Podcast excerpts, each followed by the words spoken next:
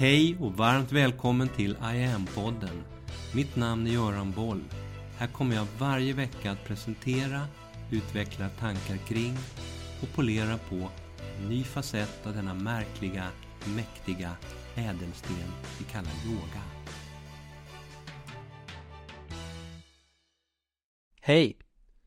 Idag tänkte jag återkoppla till en del av det som jag har pratat om de senaste veckorna kring vad yoga och meditation är och kan vara och varför vi behöver det nu idag i den här världen. Och idag så har jag en exponentiell vinkel på det. Yoga är exceptionellt exponentiell. Jag återkommer till det strax. Exponentiell i sig själv betyder att någonting ökar långsamt i början och sen allt snabbare. Dramatiskt mycket snabbare allt eftersom. Exemplet med riskornen på schackbrädet ger en väldigt tydlig bild. Om du lägger ett riskorn på ruta 1, två riskorn på ruta 2, dubblar fyra riskorn på ruta 3, dubblar igen, fyra eller åtta på ruta 4, 16 på ruta 5 och så vidare. Det vill säga du dubblar antalet riskorn för varje ny ruta. Så låter ju inte det så dramatiskt. Det är ju bara ett schackbräde med 64 rutor och ett riskorn på första rutan. Men när du väl kommer till ruta 64 så är antalet riskorn på schackbrädet uppe i över 18 triljoner. Det motsvarar 461 miljarder ton ris. Eller 600 gånger så stort som världsproduktionen 2018. Eller uttryckt så här, om du skulle skapa en pelare 40 gånger 40 centimeter av allt det där riset så skulle den pelaren bli över 3 miljarder kilometer hög och nå långt ut i rymden ända till någonstans mellan Uranus och Neptunus. S-exponentiell är med andra ord något helt exceptionellt. Exponentiell utveckling innebär att allting går fort, väldigt fort. Och det är det vi lever i nu för tiden i den här världen. Allting går fort och fortare och fortare går det. Det här 21 århundradet, vi anar det redan nu, det kommer att införa eller medföra allt fler utmaningar och allt större och snabbare förändringar än någonsin tidigare i den kända historien. Förändringstakten ökar överallt, på alla sätt, på alla plan, inom alla områden. Klimatet som är så aktuellt enligt den senaste IPCC-rapporten, om vi tittar på det som sker där så kommer det att förändra själva grundförutsättningarna för liv och livsmiljö för hundratals miljoner, kanske miljarder människor runt om i världen bara några årtionden. Det som händer i Ukraina som ett exempel på en regional konflikt, två länder krigar med varandra, men samtidigt så påverkar och rubbar det där kriget hela världsordningen. Parallellt med allt det här så går den tekniska utvecklingen allt snabbare på ett sätt som i sig innebär en total förändring och omdaning av hela samhället. Utvecklingen av data och artificiell intelligens, tydliga exempel på det här. De är på väg att exempelvis helt och fullständigt transformera arbetslivet. Massor av jobb kommer att antingen omformas eller helt tas över av robotar. Och det här sker nu under 2020-talet. Och det är någonting som jag har pratat om i tidigare poddar. Vi ser det i de diskussioner som just nu pågår kring artificiell intelligens, hur AI skapar texter, musik och häftiga konstverk på ett sätt som både imponerar och vinner priser. Samtidigt som det ställer till det på andra plan, inte minst upphovsrättsmässigt. Inom näringslivet så bedömer företagen idag att livslängden på en existerande affärsmodell kanske bara är fyra år numera. Sju av världens idag högst värderade bolag, sådana som Apple, Amazon, Google och Facebook, det här är datadrivna plattformsföretag. Där data och information i form av ettor och nollor, det är den nya tidens råvaror. Kreativt tänkande, olika kreativa kvantsprång, Det är kärnan i helt nya former av global produktion som exponentiellt har vuxit fram nu efter millennieskiftet. Det mesta framöver kommer att handla om just data och AI. Den där kortare, allt kortare livslängden på allting gör att det långsiktiga tänkandet, förmågan till framåtriktad överblick blir desto viktigare. Framtiden kräver bokstavligt talat att vi förbereder oss för den. Men hur ska det gå till? Det är ju inte så enkelt. Dagens människa som i sin biologiska genuppsättning fortfarande i princip befinner sig på stenåldersnivå är djupt stressad, splittrad och fragmenterat helt sönderhackad i sin förståelse och förmåga till fokus. Inte minst på grund av alla sociala medier som vi fullständigt okritiskt och omedvetet häller in allt om oss själva i. Och där vi, rätt paradoxalt faktiskt, men också väldigt tidstypiskt, många gånger vet mindre om oss själva än vad Facebook och TikTok gör nu för tiden. Våra beteenden, konsumtionsmönster, politiska uppfattningar med mera. Allt det här börjar utan att vi riktigt förstår det. Allt mer styras och manipuleras av algoritmer som är ett slags recept, en uppsättning regler som sorterar information, bestämmer vad som ska utföras och i vilken ordning för att uppnå ett visst resultat. Olika algoritmer bestämmer utifrån insamlad data om dig vilka inlägg som ska visas i ditt flöde och i vilken ordning som de ska visas. Och vad som visas beror på allt som du själv har hällt in och vilka vänner du har på nätet, intressen, olika grupper du är med i, platser som du har besökt med mera. Dessa algoritmer är skapade av globala företag och andra aktörer som gärna påverkar hur vi tänker, vad vi gör och hur vi spenderar vår tid och våra pengar.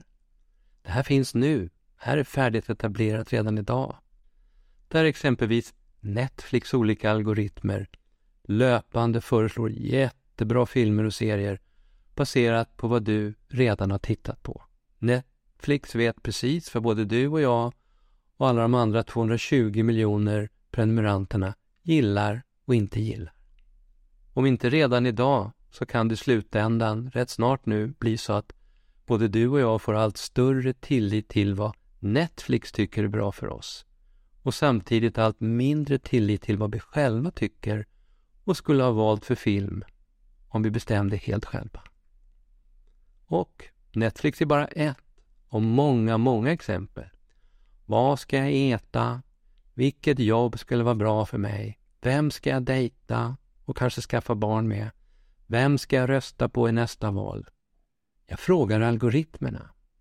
Sanningen för många redan idag det är det som landar högst upp på första sidan när de gör en Google-sökning. Sug på den karamellen en stund. Din sanning är styrd av en algoritm. Så hur ska då jag som liten vanlig människa klara av att hantera den här allt mer intensiva målströmmen av allt snabbare exponentiell förändring överallt? Går det? Man skulle ju kunna tro att vi bara behöver lite bättre information om det här, bli lite bättre informerade så löser det sig nog. Att vi bara behöver få lite mer information om saken så blir det nog bra. Nej, det är tvärtom. Idag formligen drunknar vi i information och värre kommer det att bli.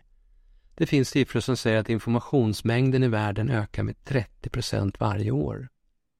Enorma mängder information pumpas ut på nätet och in i våra skallar.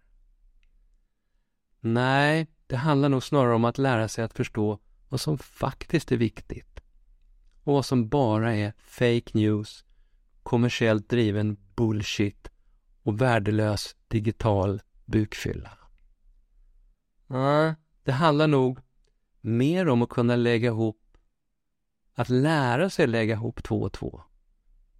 För att på så vis själv kunna börja forma en sannare, mer sammanhängande, källkritiskt korrekt bild av hur saker och ting egentligen ligger till och hänger ihop i den här världen. Du vet, den där typen av skillsets som skolan borde lära ut. Jag citerar här nu direkt ur Skolverkets läroplan. Förmågan att tänka kritiskt är grundläggande för aktivt deltagande i ett demokratiskt samhällsliv. Den inkluderar färdigheter att kunna analysera, reflektera, dra slutsatser, värdera och ifrågasätta. Slutcitat. Skolan, som idag lär ut en massa saker, varav det mesta kommer vara helt irrelevant när eleverna kommer ut i verkligheten. Skolan skulle behöva fokusera mer på att lära ut förmågan att hantera livet. Träna vår kapacitet i att kunna förbli mentalt och emotionellt stabila genom alla de här snabba, blixtsnabba förändringarna. Öka vår förmåga till just det där självständiga, kritiska tänkandet och förmågan att kunna kommunicera klart. Samverkan och samarbete. Och kreativitet. Att lära sig om hur man lär sig saker. Och hur man blir mer motståndskraftig, trygg och stabil som människa även i det här århundradet. Du vet, lite av det där som yogan ger oss. Lite grann så som yogans svar alltid har sett ut. Det som säger att vi alla behöver börja förstå och lära känna oss själva bättre. Skala av snarare än fylla på. Där yogan, och kanske framförallt meditationen, är de allra vassaste verktygen vi känner till för att skapa emotionell intelligens och mental stabilitet i oss. Meditation ökar medvetenheten, skapar en ökad medvetenhet om världen, om livet om oss själva. Och det är mycket bättre att försöka förstå oss själva, våra sinnen och våra önskningar snarare än att blint reaktivt försöka förverkliga första bästa tanke, desire, knäpp fantasi som dyker upp i våra huvuden. Den djupaste källan till lidande finns i oss själva, i våra egna sinnen, sa bland annat Buddha för redan 2 500 år sedan. Får jag inte det jag vill ha så reagerar mitt sinne genom att skapa en mental reaktion, lidande, i mitt sinne, i mitt mind. Meditation är ett kraftfullt verktyg för att släppa det där lidandet. Meditation är inte fråga om någon slags navelskådande flykt från verkligheten. Meditation är snarare ett sätt att komma i faktisk kontakt med hela den där verkligheten. Det är enligt Patanjali för cirka 2000 år sedan det sista och viktigaste steget på vägen mot just fullständig medvetenhet. Medvetenhet är ett tillstånd som i sig utgör ett av de stora, väldigt intressanta mysterierna i universum. Det exponentiella med yogameditation ligger dels i dess faktiska globala expansion. Jag gav en del siffror kring det här i podd 92. Från att ha varit en udda hippieaktivitet så har nu yoga på några få årtionden gått till att bli den absolut mest populära träningsformen i 78 av världens länder. Där man globalt nu pratar om 300 miljoner utövare eller fler. 2022 så knep meditation och yoga första, andra och nionde platserna på tio topplistan över de mest populära tränings och välmåendesökningarna på Youtube. I Sverige så är enligt Centrum för idrottsforskning en miljon yogautövare 2020 numera 1,3, nästan 1,3 miljoner utövare. Yoga ligger på sjätte plats över vad svenska folket helst tränar. Och yogan tar sig in nästan överallt. På gymmen, arbetsplatser, skolor, inom det militära och så vidare. Det exponentiella ligger också i yogans påverkan och effekter sett ur ett forsknings och vårdperspektiv.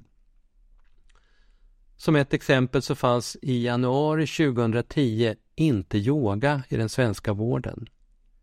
2023 så har Medyoga kommit in på vårdcentraler och sjukhus över hela landet på ett sätt som gjort Sverige världsledande.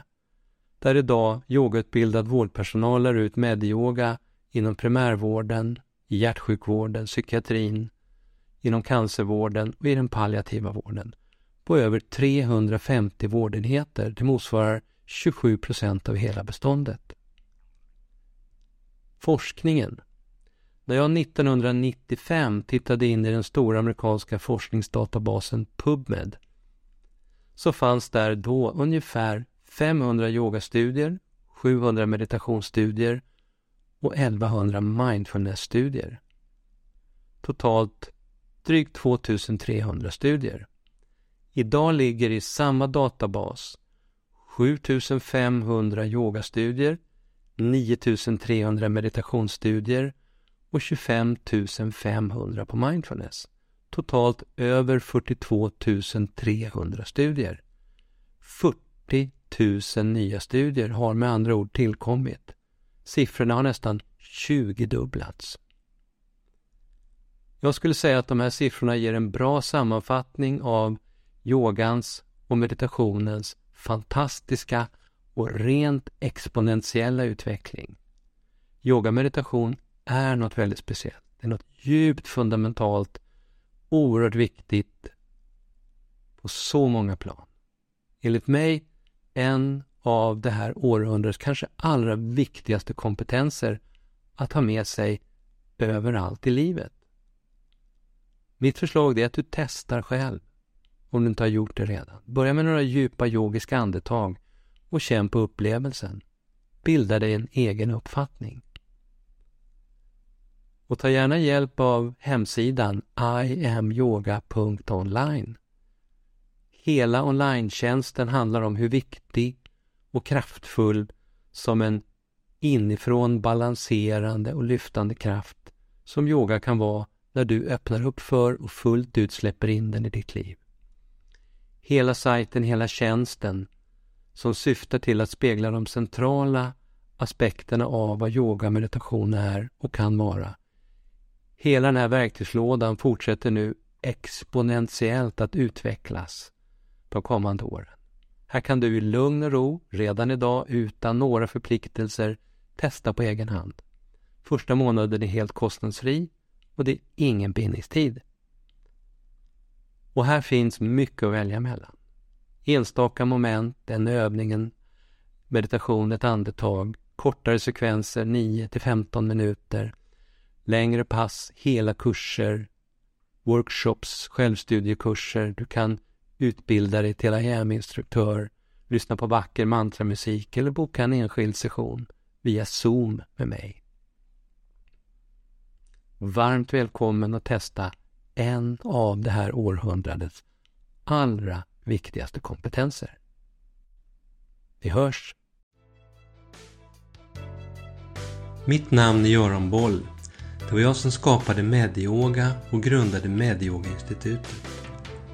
Sedan 90-talet och framåt har jag introducerat yoga i näringslivet, in i svensk forskning och in i den svenska hälso och sjukvården där Sverige idag är världsledande på yoga direkt för patienter. Framtiden för mig handlar om I am. Yoga för medvetenhet och hälsa. Läs mer om kurser, online-träning, utbildningar med mera på hemsidan iamyoga.online. Följ oss gärna på sociala medier och tycker du om de här poddarna så tar jag tacksamt emot om du vill gå in på iTunes, Spotify och där poddar finns och ge mig ett betyg så vi blir fler som hittar in i yogans värld. Tack för att du lyssnar och delar.